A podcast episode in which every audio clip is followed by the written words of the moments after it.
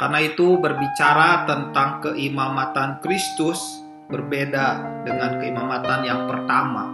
Keimamatan yang pertama itu tidak berkenan kepada Bapa Surgawi. Mengapa? Karena keimamatan yang pertama itu mengutamakan perbuatan. Kristus menghapuskan semua kutukan dari perjanjian yang mengutamakan perbuatan dan membatalkan hukuman yang dijatuhkan kepada kita sebagai orang-orang berdosa.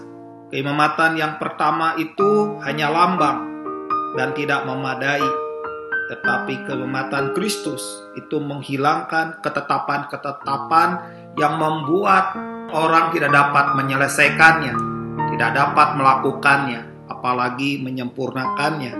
Karena keimamatan yang pertama itu hanyalah bayangan, bukanlah yang sebenarnya. Keimamatan Kristus itulah keimamatan yang sebenarnya, yang sejati,